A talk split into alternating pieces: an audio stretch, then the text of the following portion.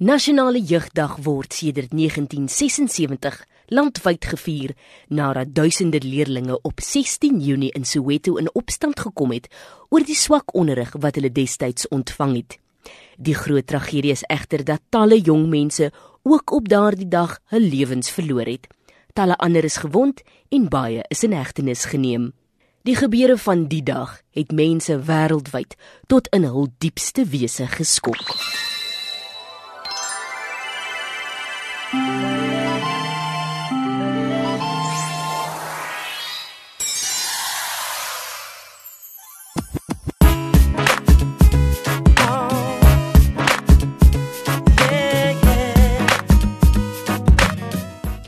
Jong mens te wees kan soms lekker wees, ander tye is dit 'n stryd, onder andere met jou ouers.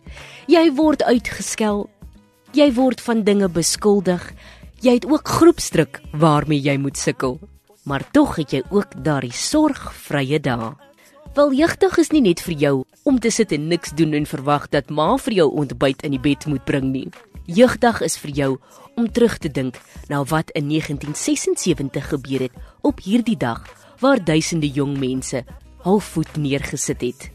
Tye het van selfsprekend verander. Dus het ons by 'n paar jong mense gehoor, hoe groot is jong mense se mening in vandag se samelewing? Jong, ek sal sê jong mense se se mening is nogal baie groot in die samelewing en dit tel wel. 'n Goeie voorbeeld hiervan is laas jaar se Fees Must Fall proteste. Um daar was gehoor gegee aan die studente se vereistes, so ek sal sê dit tel ja. Jong mense se menings is belangrik want ons is die toekoms van môre. Daar is jong mense wat eintlik regtig breed is en ook ernstig opgeneem in die samelewing moet word want hulle kan regtig 'n verskil maak, dis wat ek glo.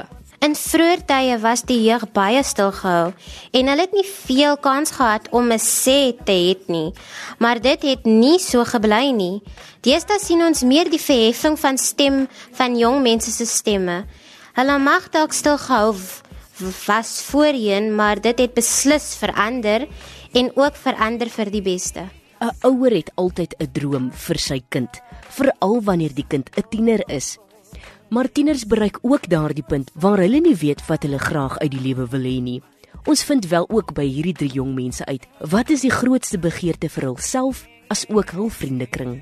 Ek sal sê dit is maar om ons studies klaar te voltooi en om eendag in 'n goeie werk in te stap. My grootste begeerte vir my en my vriendekring is om gelukkig en gesond te wees, om ons drome te kan volg en die beste te kan maak van slegte situasies. My grootste begeerte is definitief om verandering te sien in verskillende vlakke van Suid-Afrika. Ek wil nie net verandering sien of bring aan my lewe nie, maar vir almal rondom my. So voordat ek hierdie drie jong mense kon laat gaan, moes ek by hulle vra wat is die beste raad wat hulle tot dusver gekry het, wat hulle werklik in hul lewens kon toepas. Dis wat hulle te sê het. Jong, my pa sê altyd om te vra kos niks en ek kan 'n getuie wees daarvan regtig om te vra kos niks. So dat dit al gewerk vir my en ek sal dit verander kan aanbeveel regtig waar want dit kan vir jou deure oopmaak in die toekoms. Die beste raad wat ek nog ooit gekry het was van my ma. Sy het my gesê dat ek nooit moet toelaat dat mense oor my loop en my vertrap nie. Jy kan vriendelik wees en dinge tot op 'n sekere punt aanvaar, maar jy moet sterk ook kan wees. En dit kon ek toepas. Styg teen teëspoed en word geïnspireer. Dit maak nie saak waar of wie jy is in die lewe nie, jy sal teëspoed ervaar. En in plaas van om te sit en huil, neergedruk te voel en laat lewe wen om jou af te druk en te skop terwyl jy daar lê, word geïnspireer.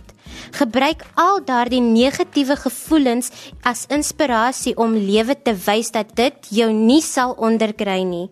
Ons moet onthou dat elkeen van ons uniek is. Daar is net een van ons in die heelal. So hoekom sal ons laat 'n bietjie teespoed ons 'n vlammetjie doodblaas?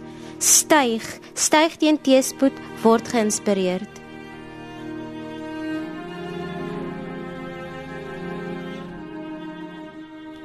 Een van die belangrikste fotos gekoppel aan jeugdag is daardie van Hector Petersen.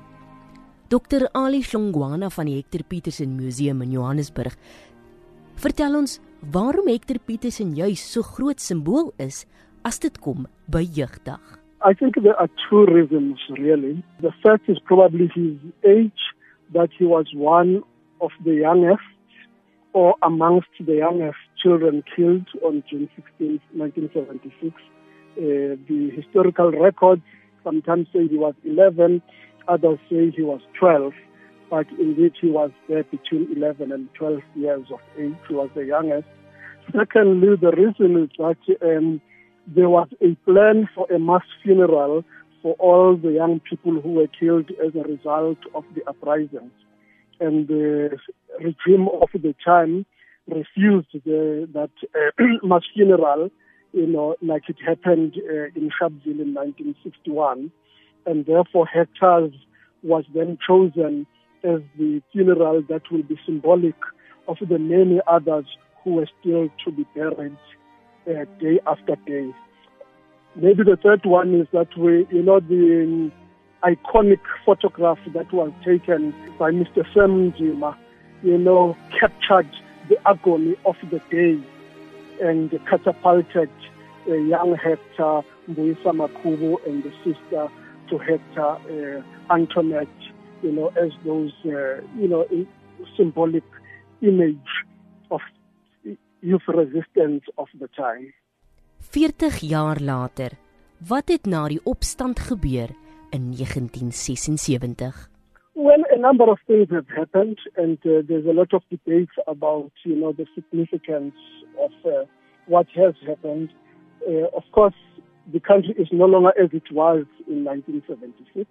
You know, the naked um, brutality of apartheid or settler colonialism has been replaced by a democratic order.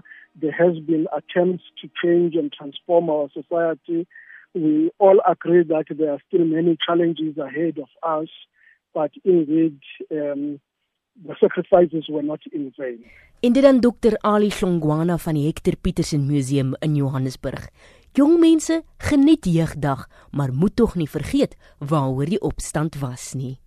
Ander jong mense was bereid om te sterf vir iets. Waarvoor is jy bereid om te sterf?